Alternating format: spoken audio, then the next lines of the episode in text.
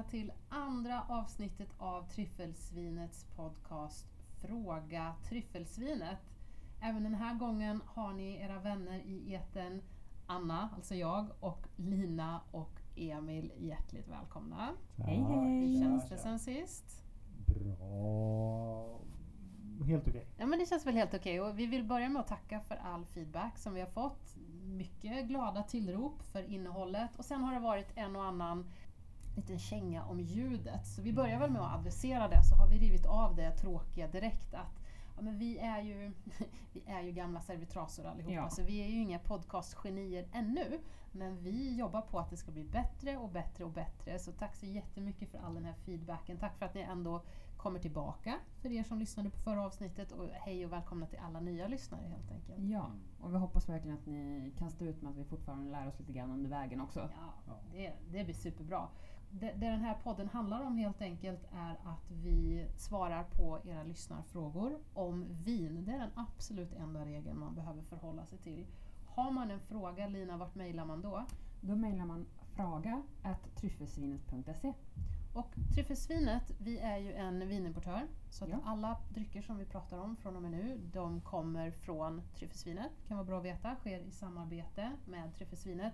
Som också driver vinklubben Tryffelsvinets vinklubb. Mm. Emil, hur gör man om man vill bli medlem i Tryffelsvinets vinklubb? Ja, men då, går- då går du in på vår hemsida som är www.tryffelsvinet.se.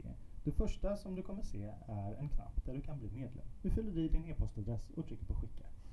Väldigt enkelt. Väldigt pedagogiskt Emil. Det superenkelt. man får som medlem är tillgång till alla våra klubbmejl. Kostar ingenting, det är inga jättekonstiga inloggningar, ingenting man behöver ko- liksom hålla koll på. Utan det enda man gör är att om man känner för det, öppna de mejl som vi skickar ut några gånger i veckan som antingen handlar om våra bästa tips från beställningssortimentet eller våra viner som vi lanserar på hyllan på Systembolaget. Vi släpper också alla våra hemliga artikelnummer med våra mest exklusiva viner. De går bara till vinklubbsmedlemmarna. Och sen får man också först av alla våra inbjudningar till alla våra event med våra vinmakarbesök och våra mingelprovningar, våra masterclasses och allt sådär. Vi försöker fylla Tryffelsvinets vinklubb med innehåll som vi själva blir glada för. Och det Exakt. finns ju även på Instagram. Just Ja. det! Mm. Vad heter vi där? Tryffelsvinets vinklubb i ett ord. Ja, och där är väl tanken att vi i samband med varje avsnitt lägger upp ett inlägg med Mm. kanske lite bilder som rör det vi pratar om. Så det Ja. får man jättegärna spana in. Men hörni, ska vi dra igång och svara på lite frågor eller? Ja, och jag tänkte bara börja flika in att jag gjorde ju en liten hjärnvurpa förra veckan på avsnittet då jag pratade om Meunierdruvan och sa att den bara får finnas i Grand Cru-byar och inte Premier Cru. Och det är ju tvärtom, Mm. för att eh, Meunier är ju lite mindre ansedd där borta än så länge. Just det, Så bara Premier Cru-byar. tungan rätt i munnen. Ja men det Ja. känns skönt att då har vi liksom, nu har vi rena underkläder på oss och är redo att kasta oss ut i det nya avsnittet. Får jag börja? Yes. Kör Kör, på! Yay! Okej, jag ska ta fram min fråga här då bara. Okej hörni, håll i er.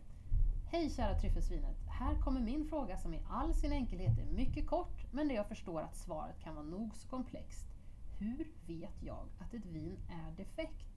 Undrande hälsningar från vin, nybliven vinklubbsmedlem. Och då vill jag börja med att säga hej nyblivna vinklubbsmedlem, välkommen till vinklubben. Det här är en superbra fråga tycker jag. Jätte, jättebra. Någonting man stöter på lite då och då. Väldigt ofta. Ja. När hade ni ett defektvin senast?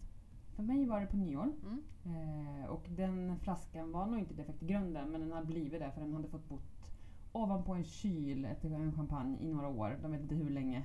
Och det var väl inte världens bästa förhållanden för den lilla flaskan. Just det, Mm. det brukar vara lite varmt och eh, alldeles för ljust i köket där kanske. Ja.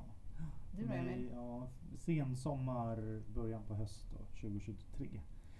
Och det var ett rött vin som smakade nästan hästskit Just det, på riktigt. Mm. Eh, vad gott! mm, ja, ja, Jag de- tror att du kommer, om du inte redan har en gissning, så kanske vi kommer toucha lite på vad det kan ha varit för typ av defekt som du hade där. Mm. Jag har kastat mig över min favoritvinkälla här i världen, alltså Oxford Companion to Wine, deras digitala version där jag har slagit in ett antal olika sökord för att landa i det här. Mm. Jag kommer dock börja med en definition av vindefekter som jag tyckte var ganska bra, som kom från Wikipedia, som man ju alltid ska ta med en nypa salt. Men efter, eh, efter noggrant övervägande så har jag valt att jag vill ändå lyfta upp den här definitionen av vindefekter. Det är också enda gången i avsnittet förhoppningsvis som jag kommer prata engelska, so bear with me som de säger.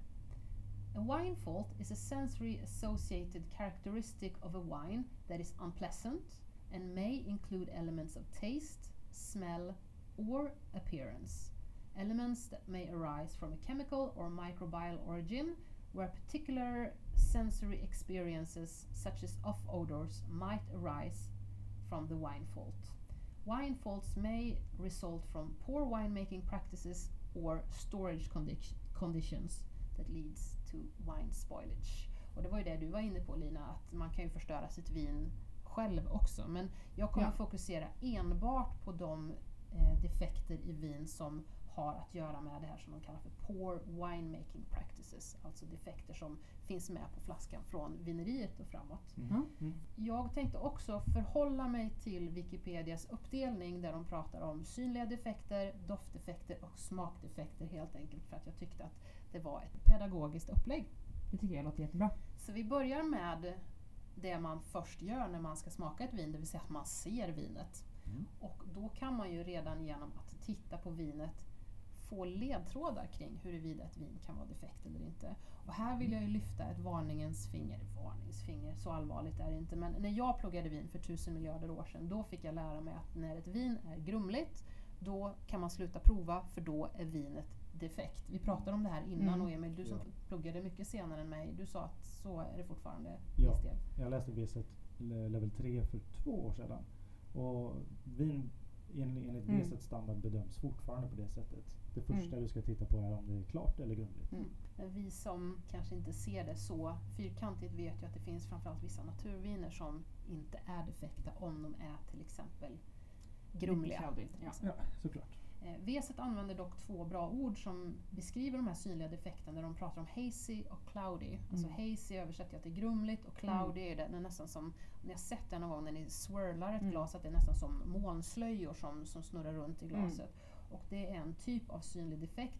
Det kan också vara bubblor som inte ska vara där, fällningar som inte ska vara där eller oxiderad färg. Mm. Och de ska jag prata lite om nu men jag vill börja med att understryka att många av de här defekterna som jag pratar om är väl egentligen först en defekt när vinet börjar smaka otrevligt, alltså off-odors som Wikipedia pratar om där.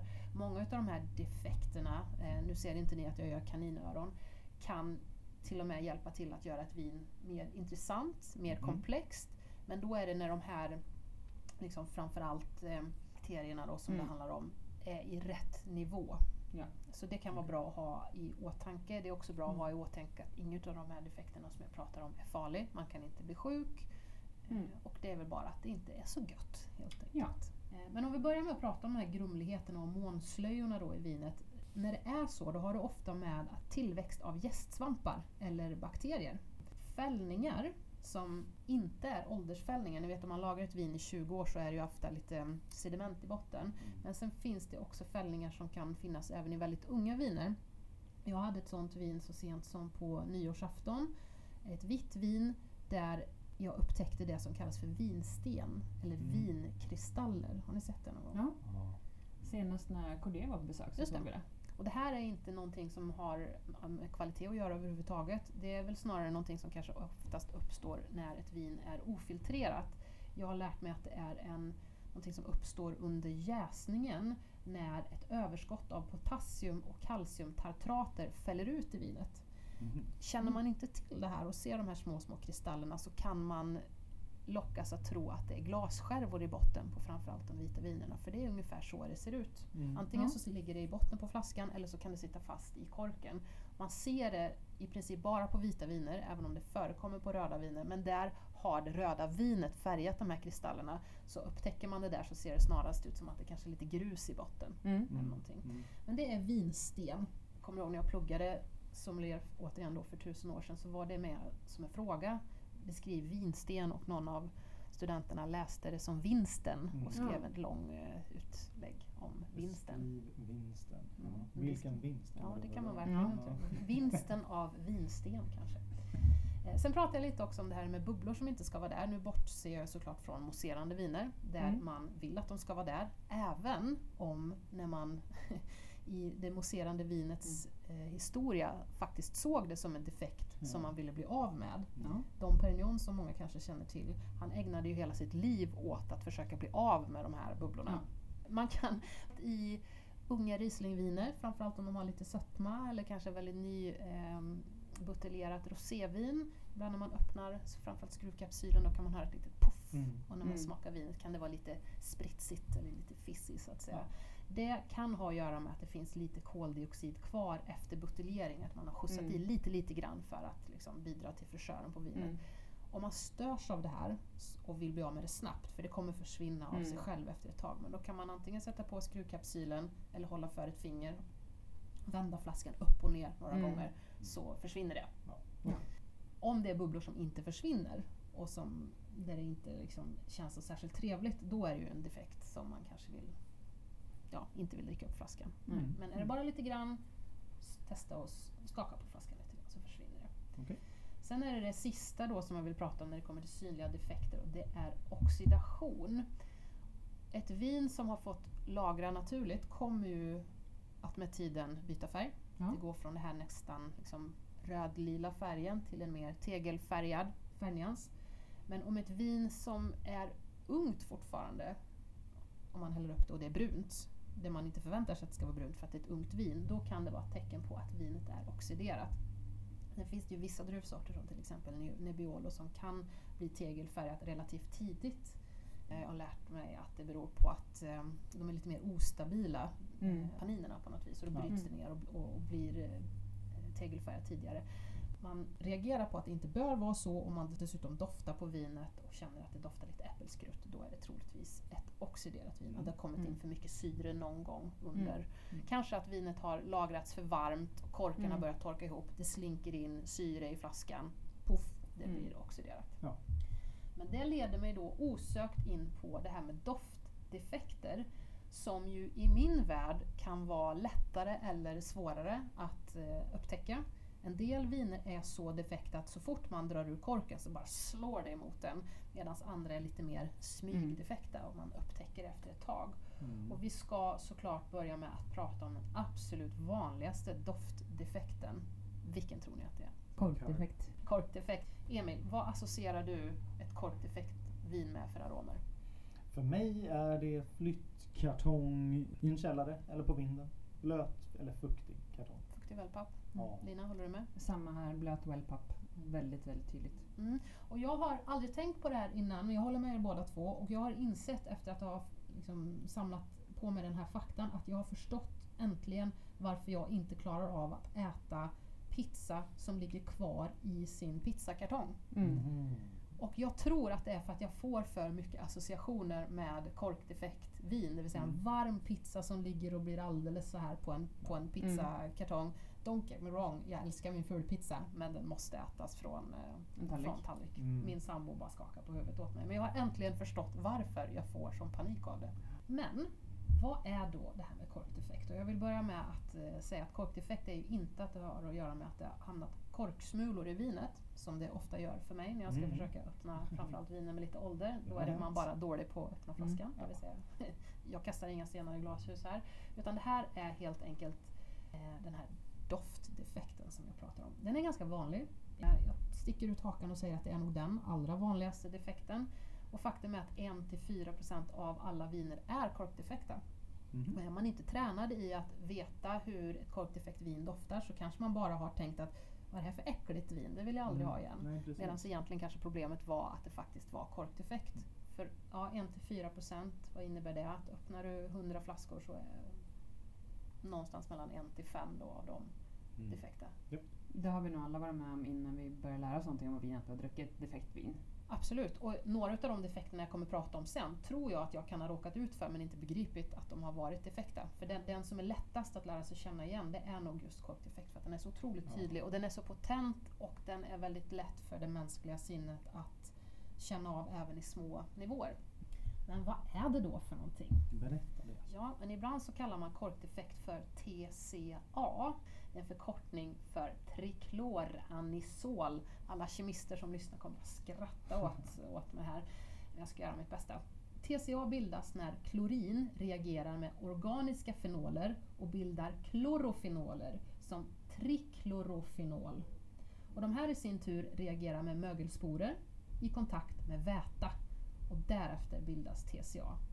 Och det verkar som att det är en enzym som heter metylas som är katalysator för det här. Och de här fenolerna finns närvarande i all organisk materia och är därmed naturligt vanliga i ett vineri, särskilt i korkar, ekfat, träpallar men även träbjälkar i vineriet. Men, och det här är väl anledningen till att det kallas korkdefekt just, att den vanligaste kontaminatorn är just korkarna. För då kan det vara så att det finns som de här sporerna finns på korkeken redan innan det ens har blivit en, en kork. Det är liksom någon sorts svampangrepp då kan man säga i kork, korkekens bark. När den kommer i kontakt med klor så bildas den här klorföreningen som kallas TCA. Okej. Eh, Men då återigen, eftersom det finns i vineriet, i trä som används i fat och i olika byggnadsdetaljer, i kartonger, så kan då TCA tekniskt sett faktiskt leta sig in och förstöra ett helt fat eller en tank. Och det gör att du kan få ett korkdefekt vin även i flaskor med skruvkork, i petflaskor eller bag-in-box förpackningar. Även om det är väldigt ovanligt. Det är ju intressant. Mm. Verkligen. Det har jag aldrig varit med om. Men eh, tekniskt sett så... Skruvkork har jag varit med om. Ja. Mm. Inte box. Och då är det ju stressigt för den stackars vinmakaren för då kan det ju vara så att hela det, Mm. den tanken då förstörd. Ja. För vanligtvis Ja. så är det ju bara, om, om det är Ja. fel på Mm. korken, då är det ju bara den flaskan. Då behöver man inte vara orolig för om man har köpt fler viner i, i samma, samma låda så att säga. Tänk dig den tanken att hundratusentals liter måste hällas ut. Ja, det är svettigt. Ja, det är svettigt. Mm. Men det var korkdefekt. Mm. Sen finns det också det som kallas för vinägerdefekten. Har ni någon gång varit med om att ett vin doftar nagellackborttagningsmedel eller typ lim, vinäger, målarfärg, ättiksyra? Oh ja. Ja. Mm. Det här är ju det som kallas för volatila syror och det här är ju en av de här defekterna då återigen kaninöron som i rätt mängd kan ge vinet väldigt Mm. liksom, trevliga associationer. Ja, för vissa tycker om det i en lagom mängd. Absolut. absolut. Mm. När det får den här liksom kontamineringen så är det en sorts bakteriekontamination som skett efter själva jäsningen. Det här är som sagt helt ofarligt och kan luftas bort. Så Mhm. får du ett vin som inledningsvis doftar väldigt mycket liksom nagellacksborttagningsmedel Mm. eller något sorts kemiskt, testa att ge det lite luft så försvinner det. Mm. Försvinner det inte så kan det bero på att den här bakteriekontamineringen är för stor och då kanske det inte blir trevligt att dricka flaskan och då kan man ju skippa att dricka den. Ja. Men det är helt enkelt volatila syror. Och som en jämförelse till det här då en annan svarande är det här med reduktion. Då tänker jag mig röda viner som har gjorts utan kontakt med syre kan bli alldeles för reduktiva. Och vad innebär det? Jo, att polymeriseringsprocessen av tanninerna har saktats ner för mycket när vinet har Mm. lagrats utan Mm. kontakt med syre, till exempel på ståltankar. Då. Mm. Och vid alltför reduktiv vinmakning, framförallt vissa druvsorter är ju väldigt känsliga för eh, liksom, reduktion, eh, så löper man risk att det bildas sulfitämnen som vätesulfid eller merkaptaner. Och de här sulfitämnena kan ge bidofter av ruttna ägg, vitlök, kål, bränd gummi. I vissa fall då så kan de här bidofterna återigen luftas bort eftersom man då introducerar sy- det syre som saknas. Okej. Så reduktion behöver inte vara något dåligt. Mm. Är det för mycket, ja, lika Mm. med dåligt. Mm. Ja, jag skulle nog reagera väldigt kraftigt om jag kände att någonting luktade lite ruttna ägg eller Ja. vitlök. Det skulle gå lite fel i huvudet känner jag. Mm. Är Pinot Noir en känslodruva för det här? Eller tänker jag fel? Jag var osäker men Syrah tror jag är det i alla Mm. fall. För att jag vet när jag pratade med Fabrice Brunel, vår köttenuftig papproducent, så brukar han, han är ju väldigt mycket för att lagra sina viner på ståltank och betong. Men just sin Syrah brukar han lagra på gamla ekfat för att han vill introducera lite syre under Mm. vinmakningen. Mm. Sen finns det då ett antal kanske lite mindre kända defekter Mm. som kan ha att göra med att vinet kontaminerats av rester av biprodukter från jordbruket. En som jag har varit med om en gång, som, och det är en enda gång, och anledningen till att jag ens visste, vet om att den här finns var för att vi, vi, vi drack flaskan två dagar i rad. Ja. Och andra Mm. dagen smakar helt annorlunda och vi var helt perplexa. Vad smakar vinet? Det smakar ju för svärord Ja. eh, pelargoner. Mm. Och satt och googlade oss blå tills vi insåg att det finns en defekt som heter geraniumdefekten. Geranium är pelargon på engelska. Mhm.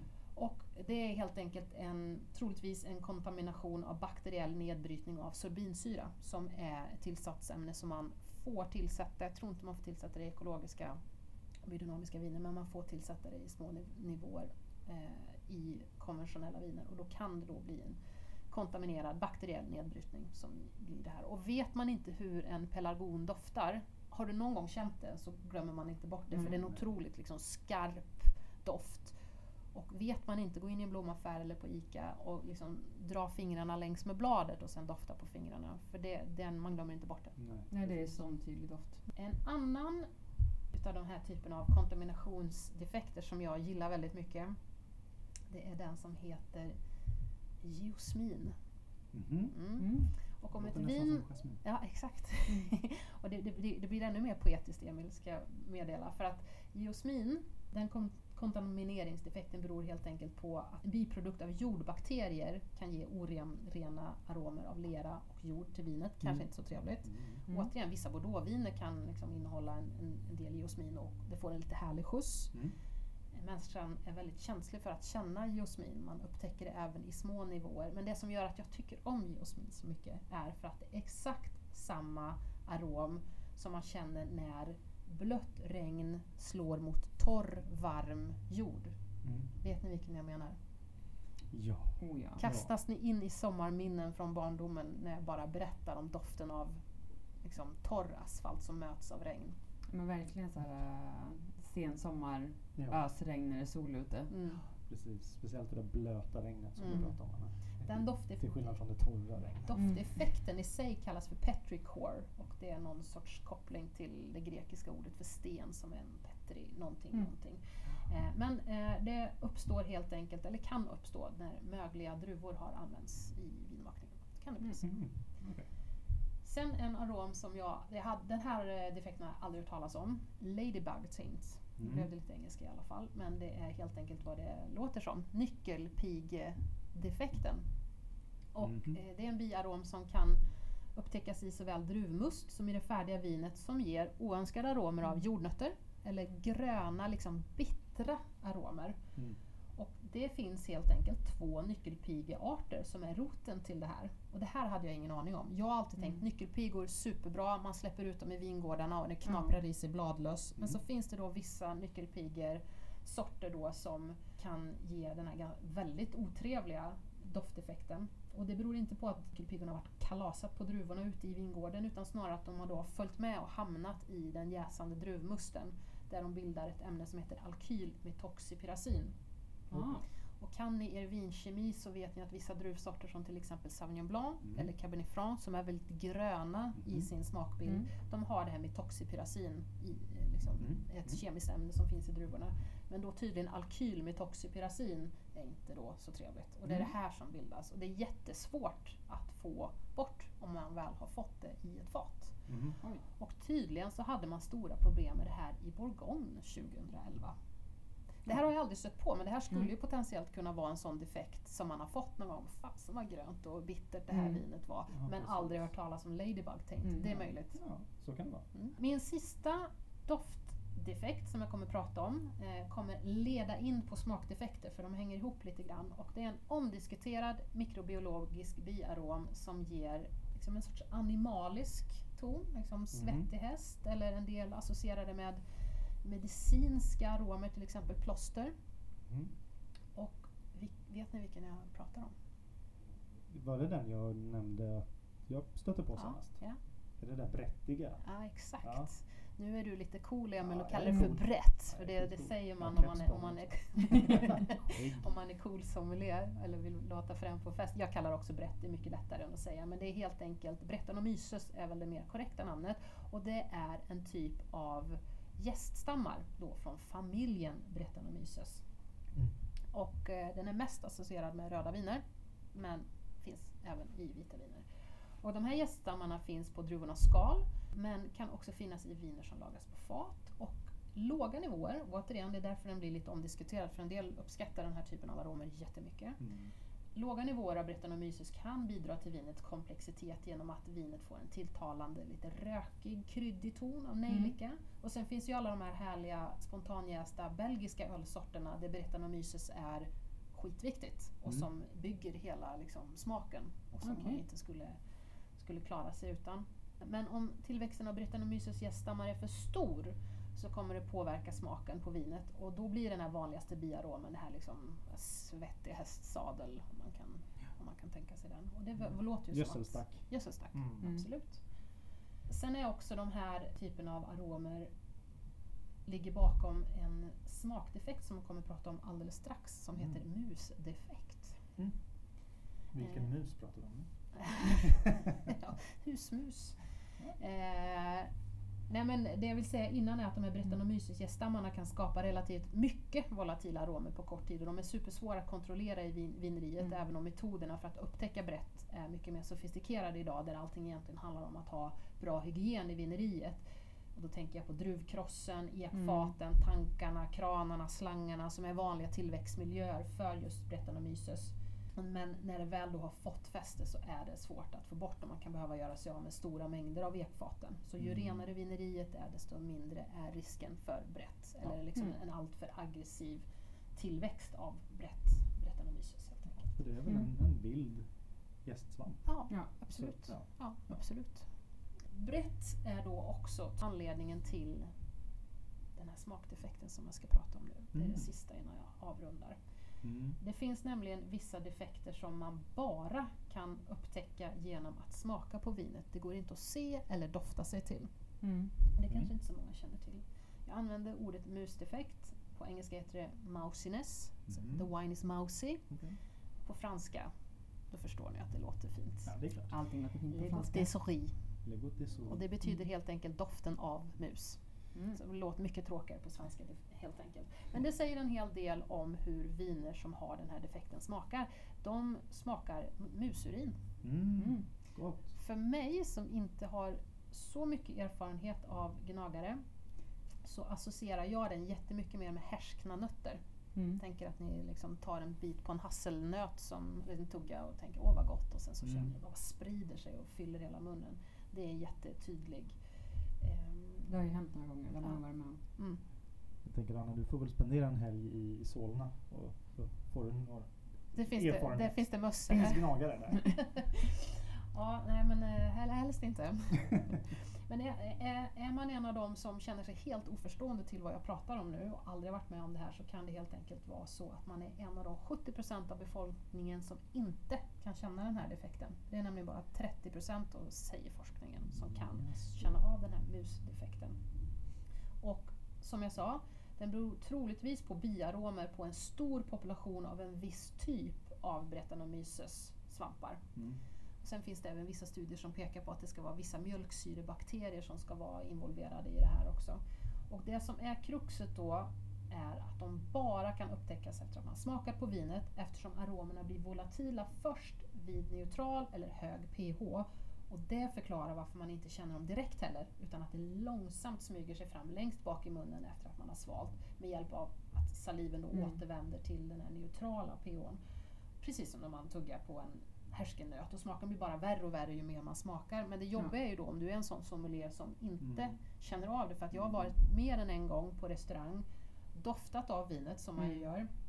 Ja men det blir trevligt, jag tar ett glas och så, så tar man en sipp, ja det var väl okej. Och så tar man en sipp till så bara boom! Supermusdefekt. Ja. Men det hjälper ju inte då om du är en sommelier som har smakat av som inte kan känna av den här Mm. Nej. Finns det någon beskrivning någonstans vad det här är för smak?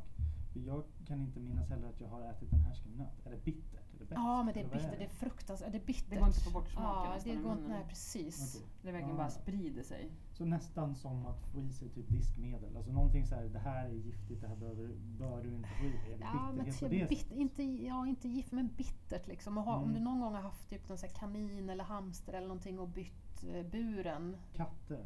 Ja. Ja, den är ju en, en lite annan doft ändå. Mm. Men kan, Mm. det är någon sorts liksom ammoniak. In, inte Aha. liksom Ja, hästkiss så starkt Nej. men det är, det är liksom ja, Det mu- hållet. Ja, musurin och härskna nötter är det absolut. Mm. Eh, Okej. jätteotrevlig Mm. doft. Mm. Om man är återigen inte helt säker på de här mekanismerna men grundförutsättningarna verkar vara låga sulfitnivåer, hög pH och syrekontakt gör vinet mottagligt för den här defekten. Så det är därmed lite vanligare bland naturviner. Och sen avslutningsvis då vill jag bara liksom som lite, eh, vad ska man säga, information till Mm. folket. Om man är osäker på vad man ska göra om man har fått ett defekt vin, vad gör man då? Man går till Systembolaget och Lämnar tillbaka flaskan. ja, Och då ska det vara en tredjedel kvar i flaskan. Mm. Och eh, det är loppet inom tre år från du har köpt flaskan från Systembolaget. precis. Mm. precis. Så det är ganska generösa regler helt enkelt. Ja. Ja, har ni några andra tankar kring, eh, kring defekter? Det är väldigt tråkigt när det sker. Mm. Mm. Mm. Man det sker behöver ganska sällan. Ja, så man Ja. behöver liksom inte sitta och överanalysera och leta defekter Ja, utan nej, nej. smaka vinet onajs och det Mm. inte går att luf- lufta bort. Mm. Ja, men då är det ju... Ja. Mm. Sen har jag faktiskt ett tips om man säger att du har ett vin som visar sig vara korkdefekt. Du köpte det för fem år sedan. Du vill väldigt gärna dricka det i alla fall. Så finns det ett knep att få bort korkdefekt. Oj. Det tar också bort ganska mycket andra smaker också. Så att jag, jag ska inte säga att jag alltid rekommenderar det. Mm. Ja. Mikra. kanske, ga- kanske, men mitt knep som jag har testat någon gång är att du tar, vad heter det, plast, ehm, plastfolie, heter Ja, det så? ja, ja. Och så knugglar man ihop det och så, dopp, så, så eh, stoppar du ner det i vinet. På något vis, Mm. här kan jag inte kemin bakom, men på något Mm. vis suger åt sig mycket av eh, korkdefekterna. Men det drar också med sig eh, liksom fruktiga aromer också. Ja. Så det blir inte så mycket kvar. Men är du jädrigt sugen på att ändå ta ett litet du ändå glas vill dricka det. så är väl det mitt bästa tips då om du inte har möjlighet att lämna tillbaka flaskan. Har ja. Ja, har ni varit med om sådana bananflugor, fruktflugor?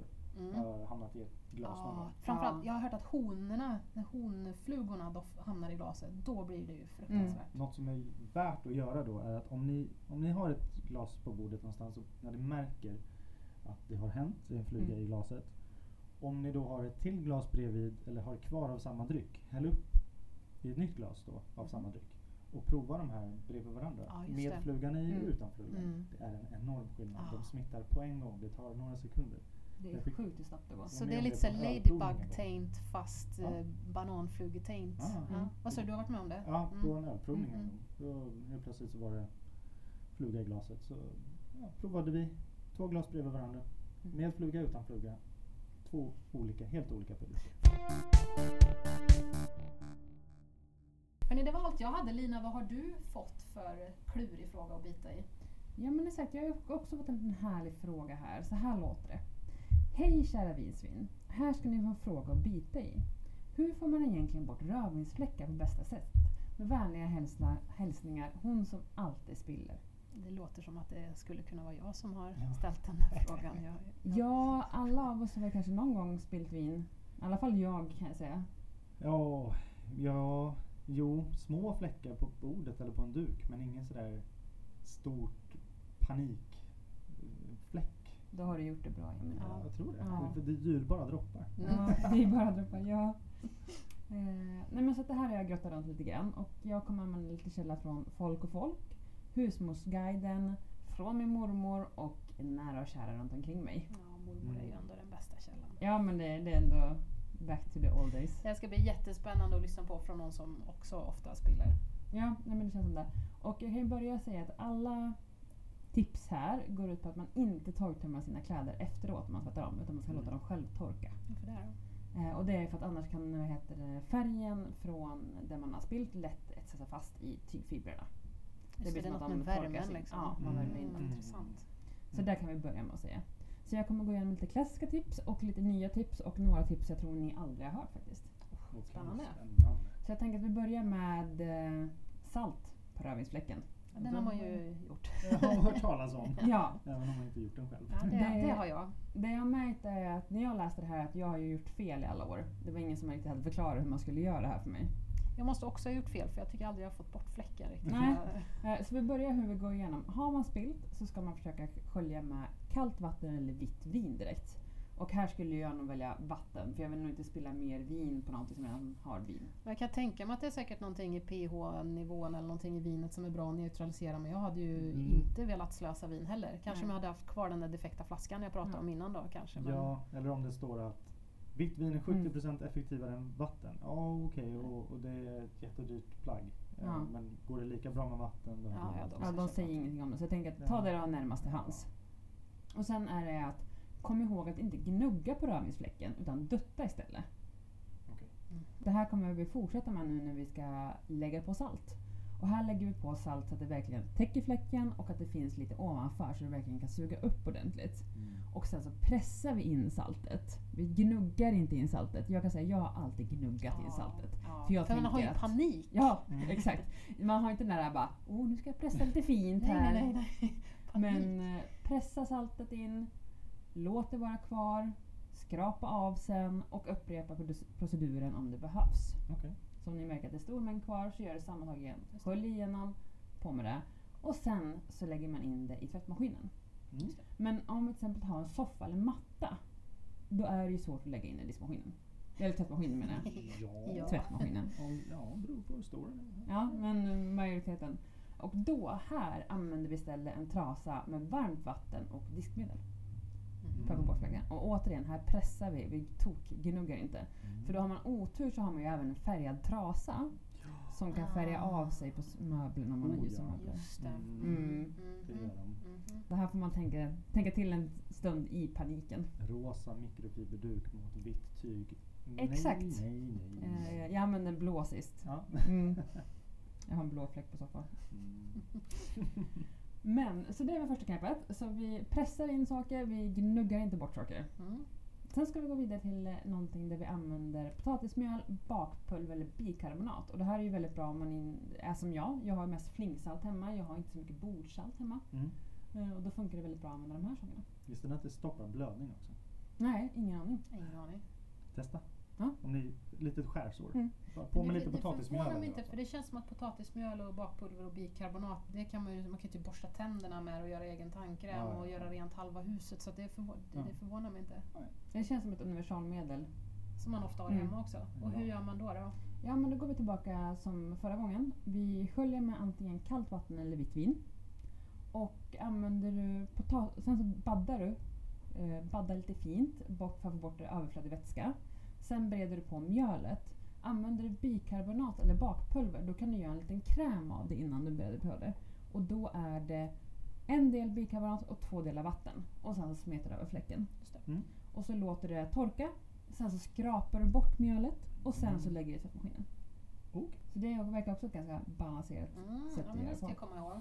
Och sen ska vi gå till alternativet som jag faktiskt aldrig hade hört om men det ska vara lika vanligt som salttrycket. Och det är att använda varm mjölk. Mjölk? Lika vanligt som salttrycket. Ja, det ska vara lika vanligt som salttrycket. Men eh, Okej. jag har aldrig hört talas om det så jag har varit lite tveksam till det uttalandet. Men då ska du koka upp lite mjölk, helst 3% så du behöver lite fett i mjölken. Mm. Du låter den svalna lite grann och här får man ju ta en liten tankeställare. Vad har jag för material att jobba med? Kan jag tvätta den här skjortan i över 30 grader? Just det. Ja men då borde det gå bra. Ja, kan, det. är det kemtvätt på den, Mm. kanske inte använder det här tricket skulle jag säga. Då lägger du i alla fall ner tyget med, eh, plagget och tyget med fläcken i mjölken. Låter det ligga cirka en timme och sen så tvättar du det. Och så upprepar Mm. du ifall du behöver göra det igen. Mm. Mjölk har man ju också alltid hemma. Ja. Värt att prova. Det bara Det känns instinktivt eh, fel. Men, men det är säkert någonting i ja men det har ju pH. sig. Ja, just det. Kan inte du göra test någon Jag dag vill Emil? testa, jag måste prova det. Alla de Ja. här eh, Kan, kan vi filma och lägga upp på Instagram? acidophilus bifidus bakterierna Mm. som bara Ja, det tuggar kanske i sig. yoghurt. Det är yoghurt Ja. kanske. Nej, men jag vill prova. Jag spiller med flit Mm. på två, två olika flagg. Eller någonting. Ja. En ska bada i mjölk och tvätta. En ska bara tvätta. Vi ser fram emot... Det här kommer eh, upp på tryffelsvinets Instagram.